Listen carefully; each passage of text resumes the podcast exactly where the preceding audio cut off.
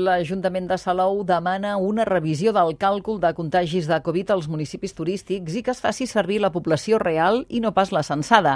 Creuen que l'actual sistema és totalment injust i els perjudica greument. Tarragona, Manel Sastre. L'alcalde de Salou, Pere Granados, demana que revisi el sistema de càlcul d'incidències acumulades de contagis als municipis turístics com Salou, agafant com a referència la població estacional i turística i no els empadronats. Diu que la manera com es compta ara provoca uns resultats desproporcionats que que deterioren la imatge del municipi injustament. Tots els casos positius, perquè han vingut aquí a Salou, tenien símptomes, han anat al CAP i han donat positiu, i te'ls col·loquen com si fossin població, diguem-ne, residents. Amb la qual el resultat és molt alt, però és un resultat fals. Si comptabilitzéssim tota la població real que hi ha avui dia a Salou, estaríem per sota dels 400 i no caldria que estiguéssim nosaltres.